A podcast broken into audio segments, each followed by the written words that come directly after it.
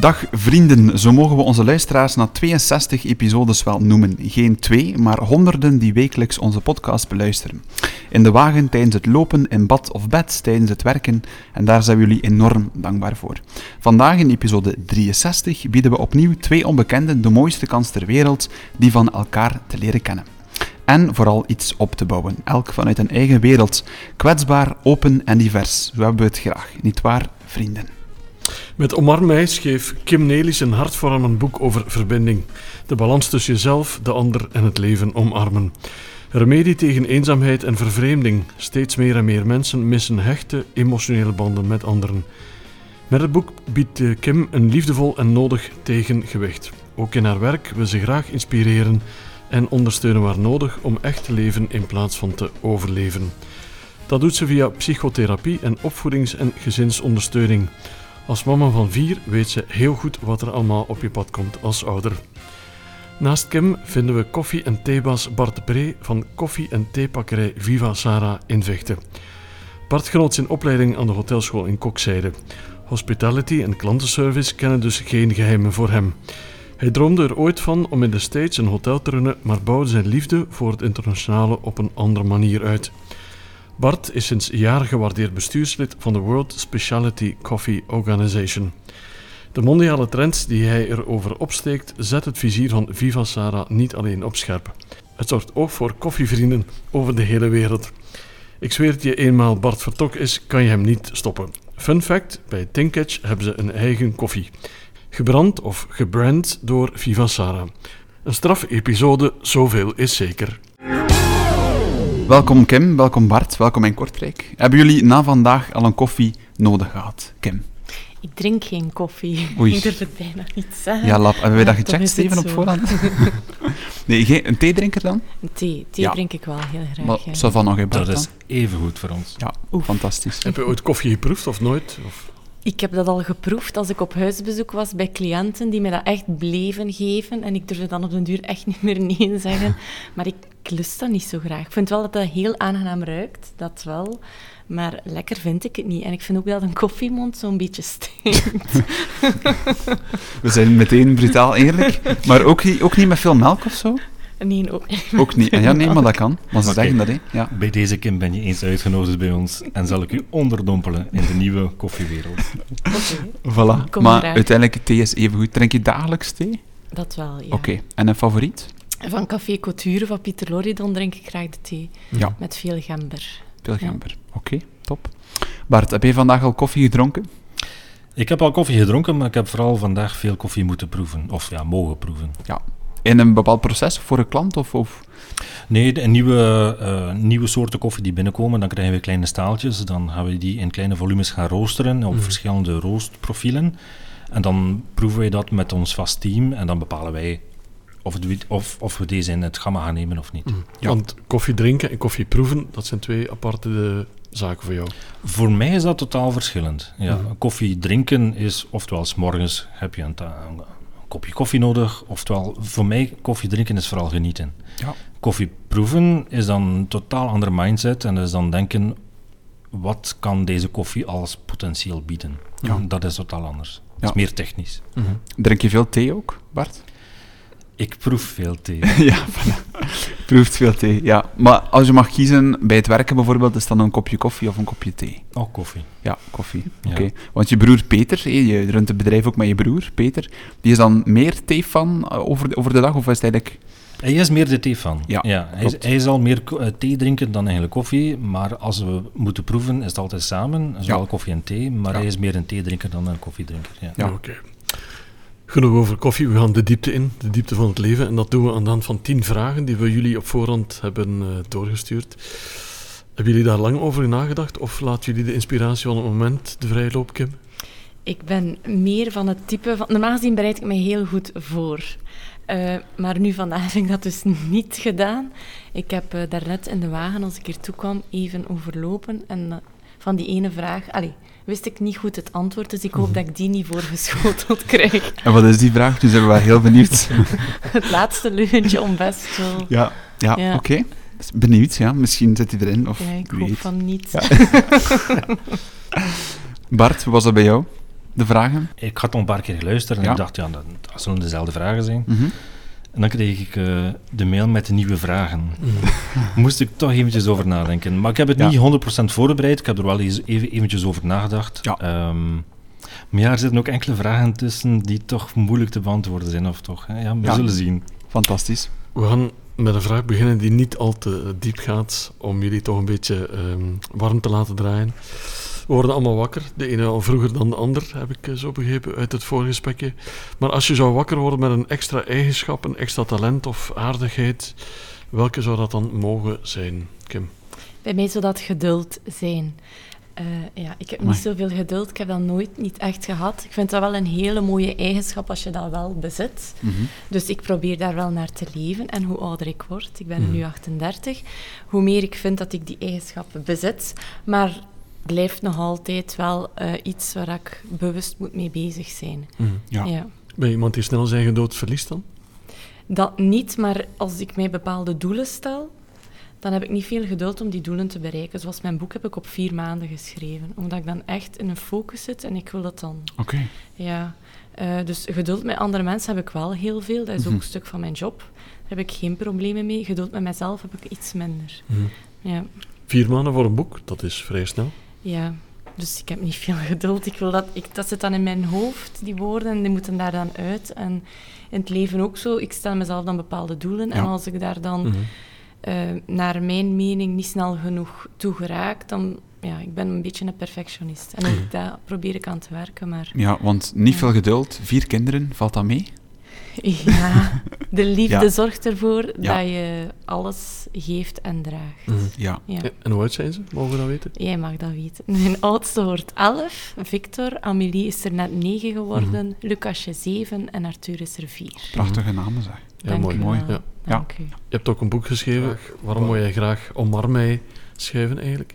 Ehm, ik heb altijd een passie gehad voor talen. Ik hou van woorden, ik hou van spreken en schrijven. En ik heb altijd eh, heel veel interesse gehad in de mens.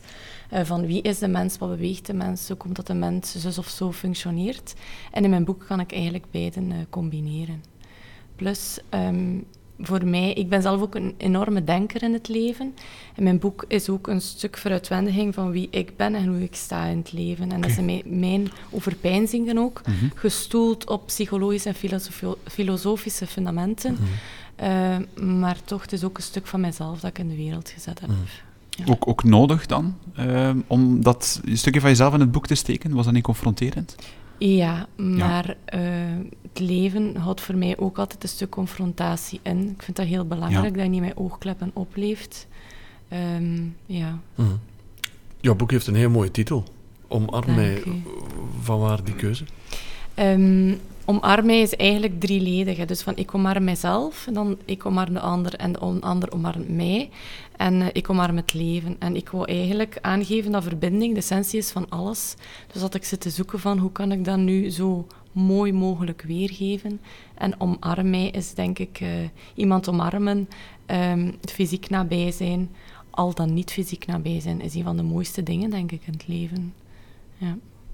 Mooi. Mooi. Bart, we gaan de vraag ook aan jou stellen. Als je morgen wakker wordt met een extra vaardigheid of een extra eigenschap, zou dat dat voor jou, eh, voor jou mogen zijn? Ja, ik had er zo twee in mijn hoofd. Hè. Zo één, een fun, een fun factor dat er mag bijkomen voor mij, dat is dan eh, kunnen zingen. Ja. Dat zou ik graag, echt graag kunnen. Maar dan, ehm, de andere is dan ja, eigenlijk meer kunnen focussen op één bepaald ding terwijl ik aan het werk ben. Ik moet Ja. altijd, in mijn hoofd ben ik altijd bezig met twee dingen. Ik ben altijd al bezig met het volgende, Ja. of wat ik al moet doen. En dat is iets wat ik graag zou kunnen uitschakelen. Mhm. Ja. Helaas kan dat nog niet. Ah, wel, denk je dat dat kan? Van, iets, van zoiets echt uit te schakelen? Als je zo bent opgebouwd als persoon? Ik denk het niet. Ik denk dat het voor mij te laat is. Ja. Ik heb er ondertussen wel al eh, dingetjes voor gevonden door ja, naar muziek te luisteren of naar een podcast te luisteren. Dan kan ik wel, mij wel focussen op andere dingen. Mhm. Ehm, ja, nee, maar het is zo soms een, een war in mijn hoofd. En, en als je dan moet focussen, hoe raak je in focusmodus? Wat is voor jou een goede focusmodus bijvoorbeeld? Het s'avonds niemand meer op de firma, oh, muziek wat luider zetten, eh, een goede po- pod- podcast of zoiets en Ja. dan gewoon er tegenaan. En dan kan ik mij wel uren ja, focussen op wat ik eigenlijk moet doen. Oké. Mhm. Je zei ook zingen, dat fascineert me wel. Wat, wat, eh, waarom wil jij voor die eigenschap gaan? Eh, Ik ben gewoon jaloers van mensen die goed kunnen zingen. Ja. Ik zou, ik, ik zou dat graag kunnen. Gewoon opstaan als je tevreden bent en je bent, je bent ja, je wil mensen doen glimlachen. Of gewoon eens, ja, ergens Mhm. kunnen zingen. En zing je doorheen de dag, Bart? Nee, Dat- totaal niet. Want ik- kan in de auto zijn of in de douche bijvoorbeeld. Ja, nee, want ik kan niet zingen. Nee, Dat is maar ja, pas op, ja. Dat moet niet altijd... eh, je moet niet altijd kunnen zingen Nee. om mee te zingen, bijvoorbeeld met... Als je, omdat je zegt van, ik zet de muziek in op, zing je Mhm. vaak mee dan met de muziek, of...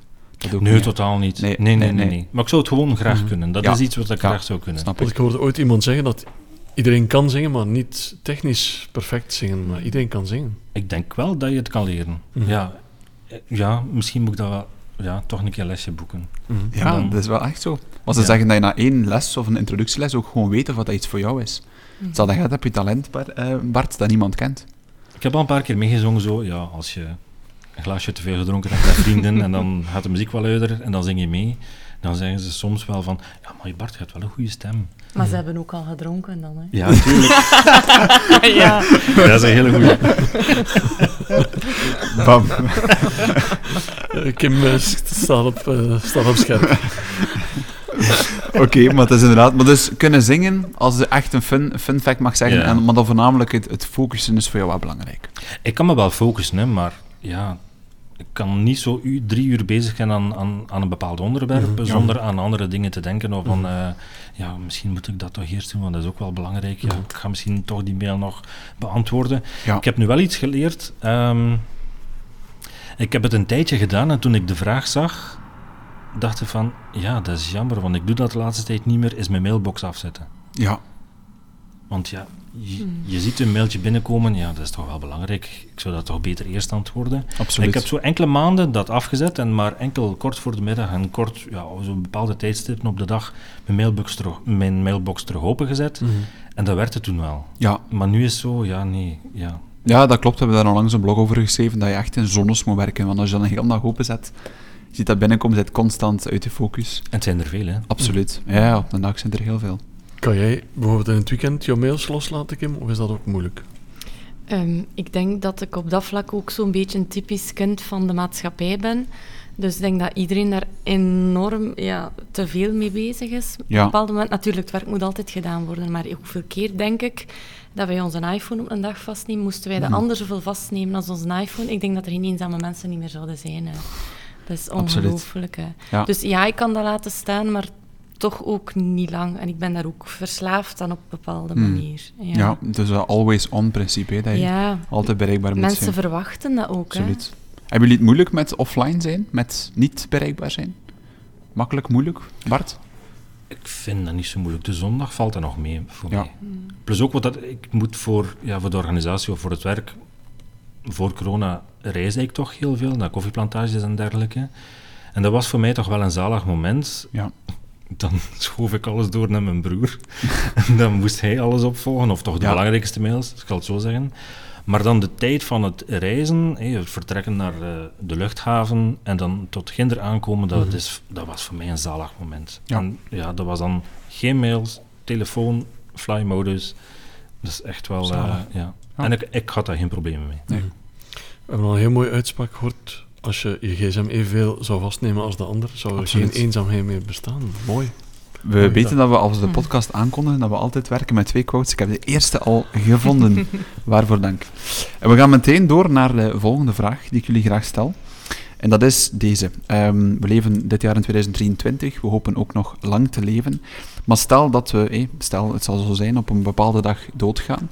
En je mag ehm, één iets in een doos stoppen voor toekomstige generaties. Iets fysiek. Wat zou dat dan zijn? Kim. Ah, wel, ik wist niet dat het fysiek moest zijn, dus ik had eh, liefde was mijn ding. Omdat ik denk van, eh, dat is de essentie, hè? Mhm. verbinding, liefde van ons mens zijn, wat we allemaal heel hard nodig hebben. En als we dat tekort komen, dan mag je eigenlijk al doen in je leven wat dat je wil. Mag je zoveel geld op de bank hebben, en, maar dan blijf je toch maar heel Ja. eenzaam en... Ja, dus kwetsbaar. En ehm, ja, dat was bij mij liefde. Dus iets fysiek voor de volgende generaties. Ik ga er niet Maar we gaan meld zijn vandaag. Liefde mag erin. Oef, Ja, absoluut. u. Want het is wel echt een belangrijke ook. Is dat iets dat de dag van vandaag veel te veel vergeten wordt? Liefde voor elkaar? Ik denk dat er heel veel liefde is in de wereld. Hè. Laat ons niet dystopisch zijn en denken van oh, het is allemaal verdriet en pijn. Zeker niet. Er is heel veel verdriet en pijn, maar er is ook heel veel liefde, denk ik. En als je liefde toch fysiek moet maken en je stopt dat in dat doosje, hoe zou je dat dan verpakken? Ik overval jou met de vraag. Ja. En normaal gezien ben ik atrem en kan ik daar allemaal goed op antwoorden. Maar kijk nu, hoe zou ik dat verpakken? Met heel veel liefde en zachtheid. En hoe zou dat eruit zien, bijvoorbeeld? Wat- Oké, Dat zou een rood hart zijn, zeker Een rood voor hart, mij. ja. mooi. Maar qua liefde, ja, ik, ik, ik vind het wel goed, maar liefde, er, zoals gezegd, er is heel veel liefde in de wereld. Mhm. Maar ik denk dat het er gewoon een gebrek aan is dat we liefde niet tonen, of liefde niet durven tonen. Mhm. En dat er soms dingen moeten gebeuren in, bij een, een bepaald iemand, Mhm. om dan te beseffen, ja, misschien moet ik dat toch wel meer tonen. Mhm. Eh, Ik heb het nu gehad in onze familie, mijn papa heeft iets voor gehad nu, en ik merk wel, ja, we hebben enorme liefde naar elkaar toe, maar ik merk wel dat wij nu meer tijd met elkaar doorbrengen, Mhm. omdat je denkt van, ja, op één bepaalde dag zal dat er niet meer zijn. Gebeurt dat onbewust of eerder bewust? In het begin onbewust, maar dan, ja, dan besef je dat het eigenlijk meer en meer bewuster wordt. Mhm. Ik vind- ja, dat is Ja, jammer. maar ik- ik dus liefde, ja, dat is Mm. waar. Ja, maar het tonen van liefde, dat, eh, ja, dat is wel een goede. Ja. Iedereen toont dat natuurlijk ook op zijn manier. hè. En zoals mensen ziek worden, wij zitten altijd, allee, heel vaak met de illusie van alles is eeuwig. En, en- maar we zitten allemaal in een zeer beperkte tijdelijkheid. En als we daarmee geconfronteerd worden, dan gaan we veel meer gaan voelen. En anders doen we altijd maar meer. Bart, als jij iets in een doos zou stoppen voor latere generaties, wat, wat zou dat dan mogen zijn? Ja, ik had ook eh, niet echt iets eh, fysieks. Ik had eh, het concept een restaurant. Een gezellig restaurant. Want als je zo kijkt naar films van in de toekomst, ja, dan zie je zo allemaal van die hele moderne refters waar dat iedereen aan een lange tafel zit. En dan dacht ik van, ja, als ik dan toch iets kan meegeven, dan is het Ja. het concept restaurant, gezellig tafelen. ehm, met vrienden, familie, liefdes, eh, whatever. Mhm. Maar gewoon dat concept, dat dat blijft bestaan. Ja. Is dat iets dat je vaak doet, Bart? Gaan eten op restaurant? Ja, eigenlijk minder of vroeger, Mhm. ehm, maar toch wel ja. Ja. ja. En hoe, hoe ziet zo'n gezellig restaurant eruit voor jou? Is dat dan met eh, de zijden tafellakens en de... Oh, dat kan in verschillende concepten zijn. Hè. Dat kan ehm, heel fancy zijn, hè, met de tafellakens, bij wijze van spreken het houten bestek en, eh, en de witte handschoentjes. Maar dat kan ook een hele gezellige bistro zijn. Want in corona mocht, mocht het niet. Heb je dat toen gemist in die periode? Maar ja, tuurlijk. Wie niet? Mhm. Ik denk, denk ik dan. Maar jij nog meer dan anderen of niet? Ja, want ik ben ook alleenstaand. Dus er was zo'n bepaald moment in het begin waar niemand wist wat het was. Iedereen was bang, iedereen bleef thuis. En dan, ja, dat zijn die momenten dat je toch begint te, eh, te missen. En ik weet nog heel goed, eh, toen het nieuws naar buiten kwam van ja, vanaf nu mag je je bubbel vergroten, je mag naar vier personen gaan. Ja, voor mij, ik denk voor heel veel alleenstaanden was dat dan was dat wel een moment van eindelijk, ik moet niet meer alleen lunch eten en ik moet niet meer alleen s'avonds eten of ontbijten. En dat was echt wel een moment zo van, ja kijk, hier besef je toch wel dat samen eten ja, belangrijk is. Mhm. En verbindend. kan En verbindend ook, sowieso. Mhm, mhm. Mooi. We gaan een eh, vraag ertussen gooien die we in de vorige podcast niet hebben gesteld. We zijn daar ook attent voor. We gaan tijdreizen. We gaan naar de toekomst of naar het verleden. Naar welke tijd, naar welk jaar zou jij dan graag eens reizen en ook waarom? Eh, Bart, ik het eens aan eerst aan jou vragen. Ja, ik dacht, ga ik nu naar de toekomst of ga ik naar het verleden? En dan dacht ik, als ik naar de toekomst ga, ja, dan weet je wat dat er in de toekomst is. En dan wordt het heel moeilijk om te dromen. Omdat je al weet wat er is. Ja. Dus heb ik besloten om naar de andere kant terug te keren. En dan dacht ik, ja, aan welke periode wilde je dan teruggaan? Hè? En dan dacht ik van, oké, ja, 1642. Nu gaan jullie allemaal zeggen 1642, ja, op een, een dinsdag. Ik zeg, nee, nee, 1642, omdat toen het eerste koffiehuis in eh, Europa open, geopend is. Ja. En dat wil ik wel een keer bezoeken, Mhm. om het verschil te zien van hoe koffie toen, ja, ik weet het wel via de boeken, maar echt beleven Ja. hoe koffie toen geserveerd werd Mhm. En wat we nu kennen van de latte macchiato's met karamel, soja en dergelijke. Dus Ja. gewoon dat verschil een keer willen meemaken. Maar ook de sfeer er rond. Want vroeger, ja, dames mochten niet eh, eh, in een koffiehuis gaan. Dat was enkel maar voor de mannen, omdat er daarover zaken... eh dat was meer een business, een netwerkmoment.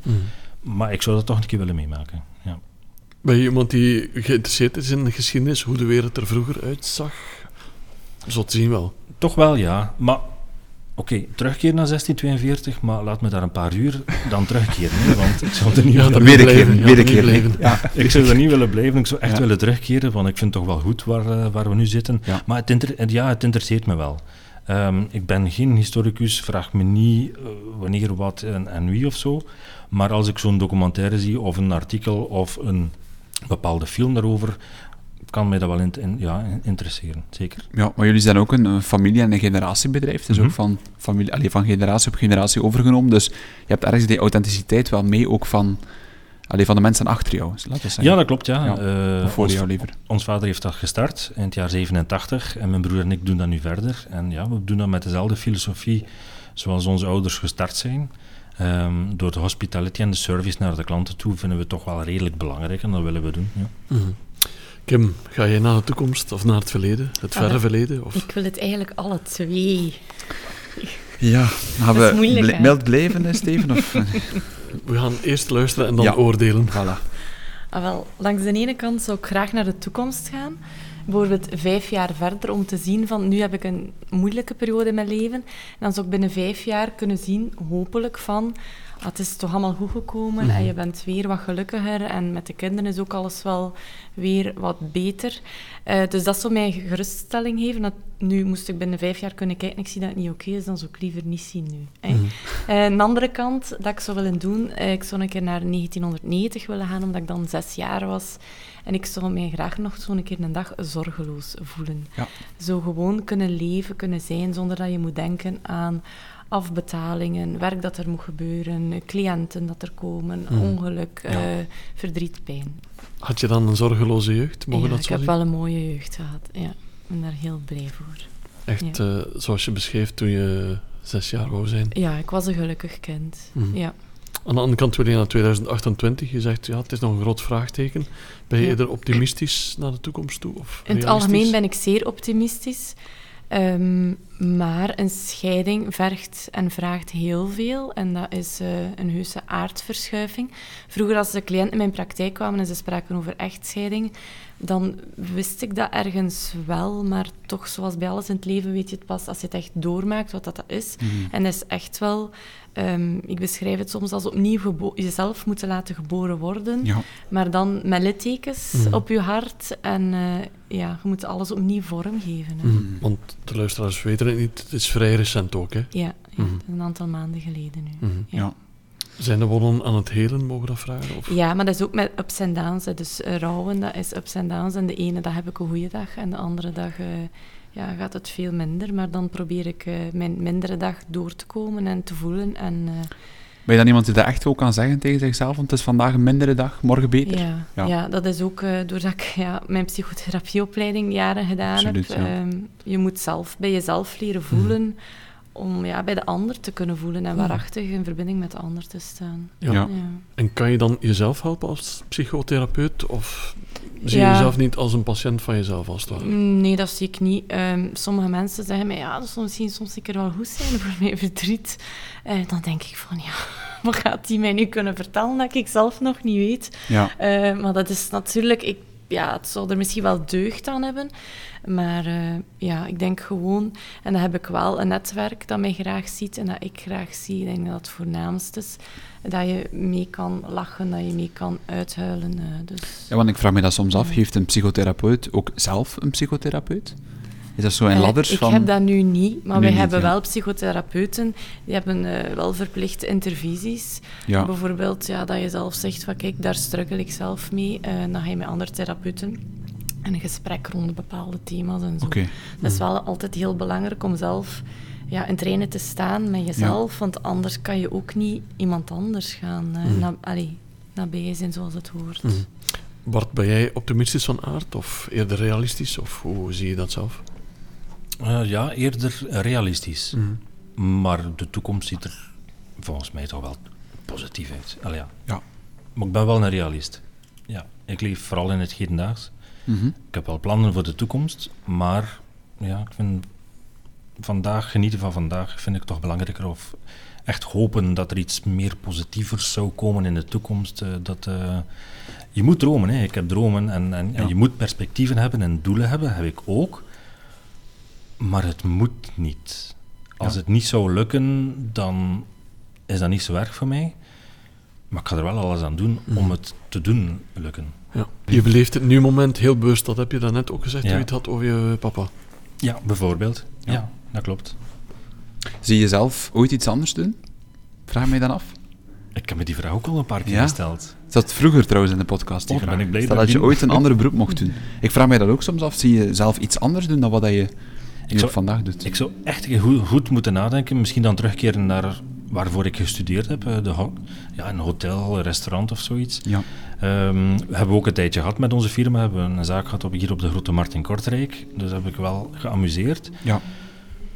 Maar ik kan er niet onmiddellijk op antwoorden. Dus ik zou eventjes goed moeten nadenken. Want ik ben, allee, mijn broer en ik, we werken zo goed samen. We zijn echt zo gepassioneerd door onze, ons vak nu. Dat ik me niet onmiddellijk kan realiseren dat, ehm, dat ik morgen geen koffie en of thee Nee. zou moeten Mm. verkopen. Nee. Natuurlijk, ja, met opwarming van de aarde. We weten nooit wat er zal gebeuren met koffie. Dus eh, misschien toch even op mijn eh post-itje erbij zetten. Eventjes nadenken. ja, ideaal. Wat zou jij trouwens doen, Kim, als je geen boeken schreef en andere mensen hielp? Ik zou chirurg willen zijn, denk ik. Wauw. Ja, omdat ik dat iets heel mooi vind om... Ja, mens, menselijk lichaam vind ik sowieso al een enorm, enorm mooi mysterie. Dat zit zo complex en zo mooi in elkaar. Ik heb bijvoorbeeld ook mijn eh, bevriende kinesiste een keer een hart ontleed. Eh, het was een varkenshart, voor alle duidelijkheid. Eh, en ik vind dat zo prachtig. Ons lichaam zit zo ingenieus in elkaar. En de hersenen, oh, ik vind het enorm, enorm interessant als je ook zoiets kan. Ja, prachtig. Amai. Zo heel toegepast direct. Chirurg. Ja. Heb je er al vaak over nagedacht? Over een... Ja, maar ik ben niet verstandig genoeg. Anders had ik dat gestudeerd. ja. Goed, we gaan eh, doorspoelen naar een eh, volgende vraag. Ehm, en dat zou de volgende zijn. Als je een regel mocht invoeren die iedereen moet volgen, wat zou die regel dan zijn? Bart. En iedereen moet die volgen. Ja. Ik, ik had dat anders gelezen. Goh, ik, ik vind dat, eh, is ook echt zo'n moeilijke vraag. Want de Ja. regel, ja, we hebben al zoveel regels, moet er nu nog een regel bij komen? En ik had zo in mijn hoofd van, ja, een nieuwe regel die zou moeten zijn. Bij iedere nie- nieuwe regel die er komt, moeten er twee weg. Ja. En dan heb je het over algemene regels in de maatschappij? Of? Ja, vooral Ja. ja. eh, regels, vooral de wetgeving dan. Hè. Ehm, er zijn bepaalde regels waar ieder persoon zich aan houdt, ehm, die niet geschreven zijn, maar dat zit dan in de opvoeding. Ja, als ik dan toch iets moet, ehm, een nieuwe regel, ja, die opvoeding vind ik toch wel belangrijk. Als je dan mee krijgt, beleefdheid. Ik, Ja. denk, ik denk dat dat een basis is, dat dat een Mhm. regel zou moeten zijn. Mhm. Gewoon beleefdheid naar de medemens. Eh, ik denk dat toch de basisregel moet zijn. Je ziet meer en meer ja, dingen die eigenlijk voor mij persoonlijk niet door de beugel kunnen. ja. Mhm. Want jij komt veel in contact met mensen, met klanten. Merk je dat die beleefdheid afneemt? Oh ja. Oei. Ja, jammer genoeg. En dat- op, op welke manier bijvoorbeeld? Goh, gewoon het antwoorden of ehm, iedereen kan een fout maken. Hè. Wij Mhm. maken fout, iedereen sowieso, we zijn zo. Maar een foutje wordt in de horeca echt de laatste tijd bijna niet meer aanvaard. Oké. En dan krijg je soms reacties waar eh, de meisjes of de, de jongens die, die bij ons werken in de keuken dan toch een traantje laten. Gewoon door de reactie, Ja, manier waarop. de manier waarop. Ja. De mensen mogen zeggen het is niet in orde, hè, maar het is gewoon de manier waarop. Ik vind dat toch een basis van beleefdheid, waarop, waarop, waarop dat je andere mensen aanspreekt. Ja. Ja, dat Mhm. vind ik de laatste, tijd, eh, de laatste jaren toch een beetje verminderd. Kim, ik zie jou een beetje knikken. Herken je dat vanuit Ja, jouw was, contact eh, met andere mensen? Ik was aan het denken van mijn regel zou zijn respect. Ik vind respect is zo belangrijk in het Mhm. leven.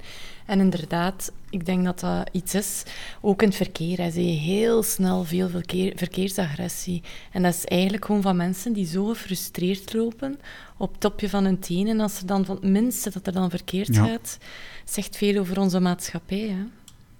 Ja. Heb je een oplossing daarvoor? Ik heb geen oplossing voor de maatschappij. ik denk als iedereen op zijn eigen wereld, met de mensen die hij of zij graag ziet, wat gelukkig probeert te zijn. Ja, ik denk dat de maatschappij zijn best wel doet, maar dat het heel veel tekorten ook heeft. Mhm. ja. Heeft dat met opvoeding te maken, zoals Bart zegt? Of is er meer aan de hand? Ja, ik, vind, ik denk nooit, nu, nooit unicosaal, dus ik geloof altijd dat het een en-en verhaal is. Natuurlijk, een opvoeding. Mhm. Ik hoor dat wel regelmatig, nu ook bij pubers en zo, dat er gezegd wordt, allee, ook in scholen, dan van dat respect is weg. En, oh ja, is dat zo? In het algemeen hoor ik dat nu wel vaak. Maar ja, iedereen is over dezelfde kam scheren, doe ik ook niet graag. Dus, Maar ik vind dat ook wel een hele belangrijke, dat respect eh, voor elkaar. Respect en beleefdheid. Het zijn misschien Ja. twee nieuwe vakken, Steven, voorop. eh, wie weet. kan wel handig zijn, maar ik volg jullie zeker daarin ook. Dat het ook belangrijk is dat, als het een regel mag zijn of een les, dat we dat toch meegeven aan het begin van ons leven.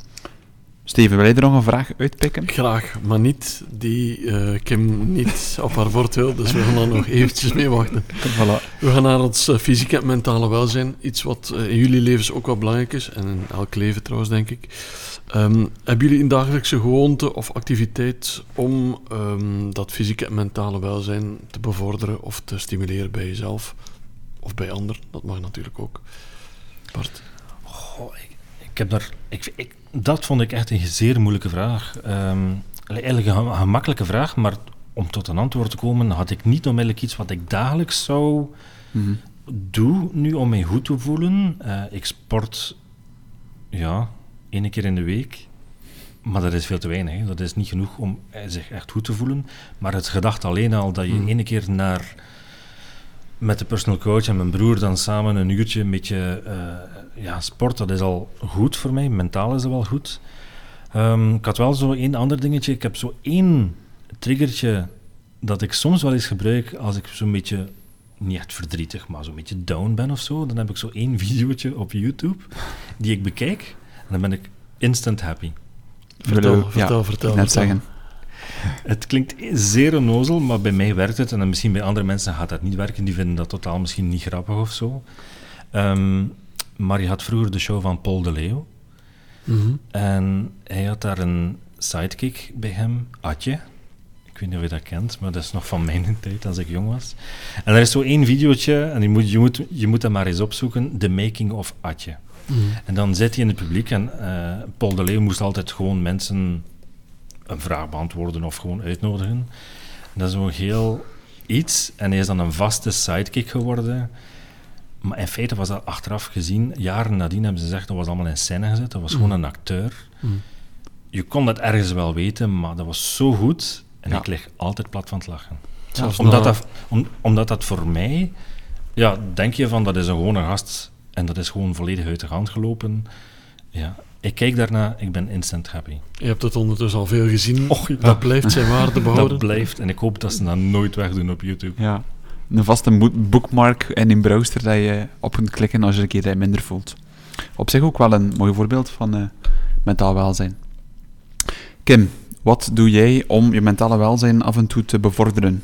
Ehm, ik probeer op mijn voeding te letten, Mhm. omdat ik merk als ik, eh, zoals nu, moeilijke periode doorga en ik eet gezond, dat mij dat wel ondersteunt en helpt.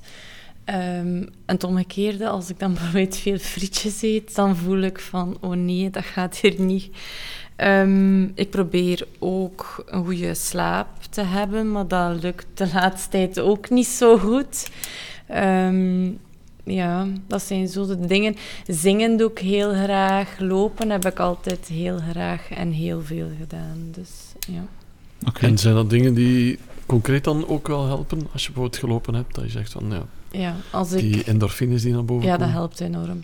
Als ik vertrek en ik ben bijvoorbeeld verdrietig of ik weet niet wat, en ik kom thuis en het is altijd veel beter. Ja, absoluut. Sport doe ook heel veel met de mensen en dat we dat zeker eh, moeten herkennen.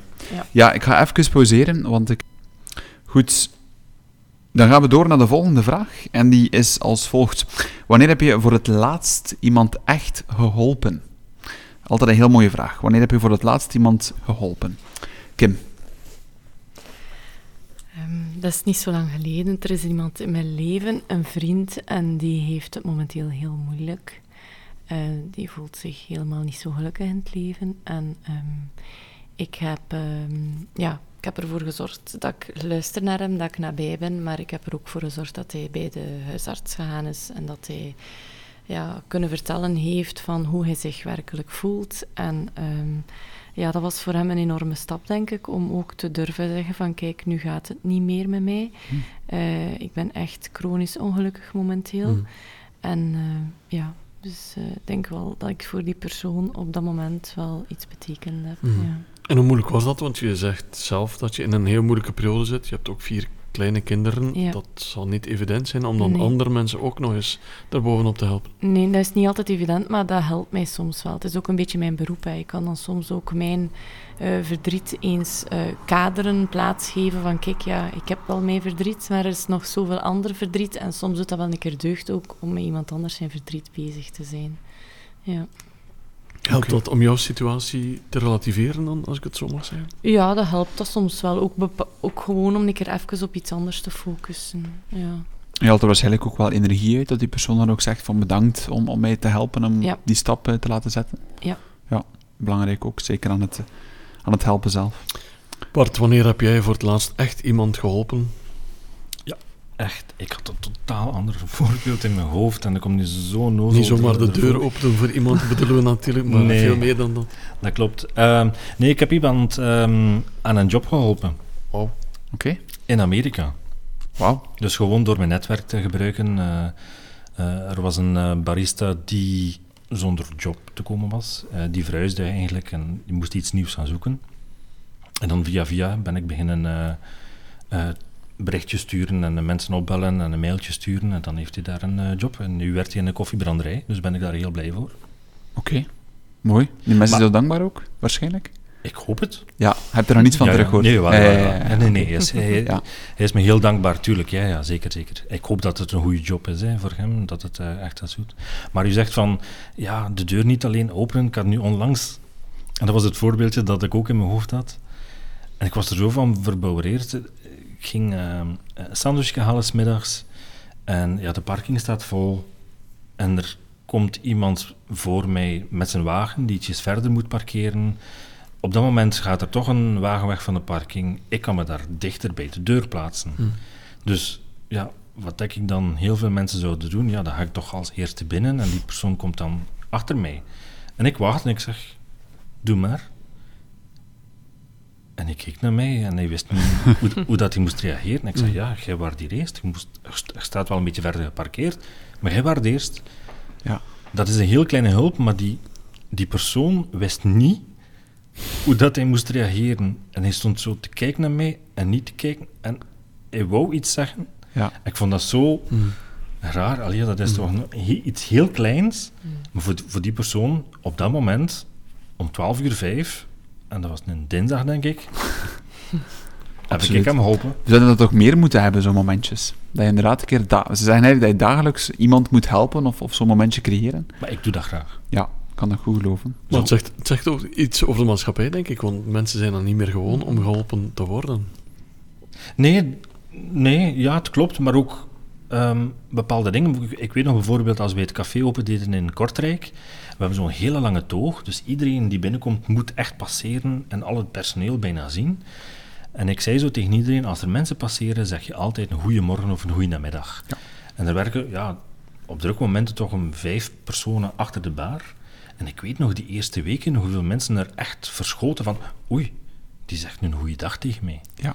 Ehm, ah, ook een goede dag. En ja, zo echt kleine dingetjes, maar dat maakt Mhm. ja, toch in zijn geheel, denk ik, dan toch iets groots. Absoluut. Mooi. Mooi voorbeeld zelf, Bart. Dank u. We zijn gewoon om bij een eerste ontmoeting aan mensen te vragen hoe gaat het of hoe is het. En dan krijg je die cliché-antwoorden die we allemaal wel kennen. Maar als we nu een keer een andere vraag zouden stellen, welke vraag zou je dan willen dat mensen aan jou stellen bij een eerste ontmoeting? Het is niet zo'n evidente vraag, maar we zijn al een beetje gero- gerodeerd in deze podcast. Dus gaan we die toch proberen voor te leggen. Kim, Kim is aan het nadenken. Ik ben mijn ja. aan het pijnigen. Ik heb er ook zo lang zitten over nadenken. Hè, en ik dacht zo van, goh, moet dat echt zo een, echt een typische vraag zijn als antwoord dat wij nu geven aan jullie?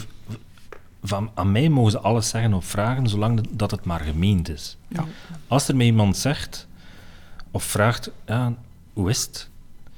Ja, als er iemand is in de straat of, of een winkeldame, ja, dan weet ik ook dat die persoon niet echt wil weten van, ah, wel, kijk, ik ga het nu een keer vertellen en Mhm. dit en dit en dit. Zolang dat dat niet gemeend is, Ja. vind ik dat niet zo belangrijk. Ik heb dan liever dat ze niet zeggen of vragen. Het mag alles zijn. Hè. Het mag ook zijn een, een negatieve vraag van... eh, wanneer heb je het laatste keer een leugentje om best wel gedaan of zoiets. Dat mag ook. Maar zolang dat het gemeend is, allee, dan, dan vind ik dat wel Ja, goed. oké. Wat wat op zich ook een antwoord is. Niet waar? Oh, ik ben nu toch ook vooral curieus naar Kim. Ik weet het eigenlijk niet wat ik zou willen dat de mensen mij vragen. Wie ik echt ben, denk ik dan zomaar. Maar wie ben ik echt? Ik vind dat ook zo'n vraag. Wie zijn we? We zijn niet wie dat we gisteren waren en we zijn niet wie dat we morgen Nee. gaan worden. Dus, oh. Maar misschien algemeen ook, Kim, krijg jij zelf veel vragen? Ik bedoel, je stelt veel vragen aan jouw patiënten. Ja. Maar krijg jij veel vragen terug? ja, maar dan blok ik dat vaak af. Oké, ja. Dat is Bewust? niet zo de Ik ga wel ook iets van mijn persoonlijk leven vrijgeven, maar het kan niet de bedoeling zijn. Je hebt zo van die cliënten die dan echt op den duur ja, uw vriend willen worden en dat gaat gewoon niet. Nee. Ik kan daar niet als kwetsbaar... Ik, Mhm. Iedereen is kwetsbaar, dus ik zit in mijn stoel als een kwetsbaar mens, maar ik, het is niet de bedoeling dat ik mijn verhaal Nee. Eh, geef. Het is de bedoeling dat ik luister en dat ik ondersteun en dat we samen op zoek gaan. Is dat moeilijk om mensen dan af te blokken, zoals je dat zegt? Ja, maar je moet dat leren, want anders eh, doet je job ook niet zo goed. Mhm. Absoluut. Ja, ja. Oké. En dan hebben we eigenlijk nog tijd voor één vraag. Dat- sorry, maar ik ga hem gewoon stellen. En dat is de vraag, wat was je laatste leugentje om best wel? Ik vind dat ik het recht heb om die vraag te stellen. Bart. Ah, wel. ik heb zo'n voorbeeld en ik weet toch dat die persoon ja, nooit naar deze podcast zal luisteren, want die persoon weet ook niet hoe een telefooncomputer of dergelijke werkt. Die heeft al een bepaalde leeftijd, dus eh, ik Ja. mag het wel vertellen. Ik zal zeker geen namen doen of zoiets Nee. hoor. nee. Ehm, maar er is bijvoorbeeld een klant van ons die zowel in de winkel komt, maar ook in een andere vestiging van komt. En die geeft daar altijd een briefje af. En dan ga je de groetjes doen aan. En dan met een smiley op. Of, en dan de namen. En wie, wie werkt er vandaag? En dan schrijft ze al die namen af. En dan moet het, ja, zij dat briefje bijhouden. En als ik dan de volgende keer langs ga, geven ze dan dat briefje aan mij. Maar als ze mij dan... Ik heb dat briefje bijvoorbeeld nog niet gehad, maar dan komen ze dan tegen in Kortrijk bijvoorbeeld. Ja, hè. hebben ze gezegd dat ik daar geweest ben? Ja, ja, ja, ja. En heb je mijn briefje gehad? Ja, ja, ja, ik heb het gehad. Dankjewel, dankjewel, dankjewel. Leugentje om best wel. Ja, voilà. Dat moet kunnen, toch? En die persoon is eh, zeer gelukkig altijd Absoluut. dat de mensen de groetjes gedaan hebben. Voilà. Heb je er lang moeten over nadenken, Bart, over de vraag? Ja, om, ja omdat je een leugentje om best wel, als je dat dan vertelt, ja, en als die persoon dan luistert, dan sta je Ben daar. jij die sigaar? Ben ik die sigaar. Dus, Ja. Oké. Maar het is ook iets om mensen niet te kwetsen, dus het heeft ook een positief kantje, denk ik. Hè. Ja, ik denk dat iedereen... Ik heb daar totaal geen probleem mee. Ik denk, ik denk dat iedereen dagelijks of toch wekelijks een keer een klein leugentje om best wel doet. Ehm, gaat alles goed met je? Ja, Absoluut. dat is al op zich al een leugentje om best wel. Hè? Mhm. Mm, absoluut. Heb je vandaag een leugentje verteld aan iemand? Zonder dat je zegt tegen u. Toch niet dat ik me kan herinneren. Dus eh, nee, die, die moet nog komen. Ja, voilà. Ja. Straks. Voilà. We hebben nog een paar uur. Hè. Kim, jij vond die vraag te vermijden, maar we- ja, je hebt het gehoord. Pieter Jan wil die echt wel stellen. Ik en heeft gelijk ik ga natuurlijk. antwoorden. Ehm, dat was iemand die ehm, vroeg van eh volwassen man met veertiger en die, eh, die vindt me wel leuk. Eh, niet op een romantische manier, denk ik. Maar eh, ja, die had ervan met mij te spreken en die zei van... ehm, ja, je vindt mij toch wel leuk. ehm, maar eigenlijk vind ik die zo leuk. En dan kan ik dat niet over mijn hart krijgen. Om te zeggen van eigenlijk... Ja, totaal... Allee, het is, niet tot, het is geen aversie, dat Mhm. ook niet. Maar Nee. Moest ik nu eh, moeten ergens op weekend gaan met iemand, hij zou niet bij de eerste in de reis... Je hart, je hart klopt niet sneller eh, als je nee, hem ziet. nee, denk ik. nee, nee. Want hij is dan ook altijd zo vriendelijk, dus het is wel lastig. Ja. Ja, maar ja, Dus eigenlijk weet hij het niet echt. Hij weet niet dat ik hem niet zo heel leuk vind. Hoe verwoord je dat dan? Hoe stuur je dan zo iemand met een kluitje in het riet, zoals Eh, we maar dat dan zeggen? natuurlijk vind ik, ja, heb ik geen probleem met jou. Het ligt aan mij.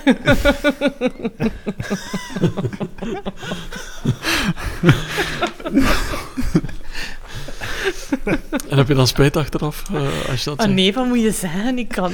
Ja, ik het toch moeilijk zijn. Soms kan ik op je kop niet zien. Dat gaat niet. Het is wel grappig dat een, een psychotherapeut ook af en toe echt niet weet wat zeggen. Dus dat is ook ben belangrijk. een mens, hè. En, eh, Tuurlijk, ja. tuurlijk, tuurlijk, tuurlijk. Ik vond het eigenlijk wel een goed antwoord op een moeilijke vraag. Zeker. Voilà. En eh, dat brengt ons naadloos bij het einde van deze podcast. En dan vragen we altijd aan onze gasten, hoe hebben jullie onze tien onmogelijke of eh, schier onmogelijke vragen doorstaan? We hebben er denk ik vijf of zes kunnen stellen vandaag. Bart, hoe heb je het beleefd? Oh, ja, goed toch? Ja. Ik had het veel moeilijker verwacht, dus eh, Ja. ik denk wel dat we er al twee vlotjes uitgekomen zijn. Ik vind dat ook. Dus ja, nee, ja. Jullie waren heel los trouwens, vond ik. Heel eh, los gesprek. Ja, ik Om- ben zo. Want vooraf, Kim, dat mogen mensen weten, zei je, het was een beetje een moeilijke dag, maar ik heb jou heel veel zien lachen. Deze podcast Ja. heeft toch wel Ja. iets goed gemaakt. Ja, zeker. Ik vind jullie drie leuke mensen. Geen leugentje om best wel niet. Anders zou ik Yes. het niet zeggen, hè. Ja. Ik zou nooit uit mezelf zeggen dat ik u leuk vind als het niet zo is. Maar als ze het mij dan vragen, is Ah, het moeilijker, hè. Ja. Ik zou niet uit mezelf... eh, Voilà. Dan stel ik voor dat we deze leuke podcast afsluiten met jullie te bedanken voor jullie komst, eh, allebei. Steven ook opnieuw bedankt. Absoluut. Ik zou zeggen aan de mensen, ga naar de boekhandel en koop dat boek Omarmen, want het is de Dank moeite waard. Voilà, Bart, heel veel succes. Doe de groeten aan Peter ook. Ga ik doen, dankjewel. En fantastisch. jullie allebei heel erg bedankt om te komen. En dankjewel. Pieter Jan. Steven ook opnieuw bedankt en tot de volgende tweespraak.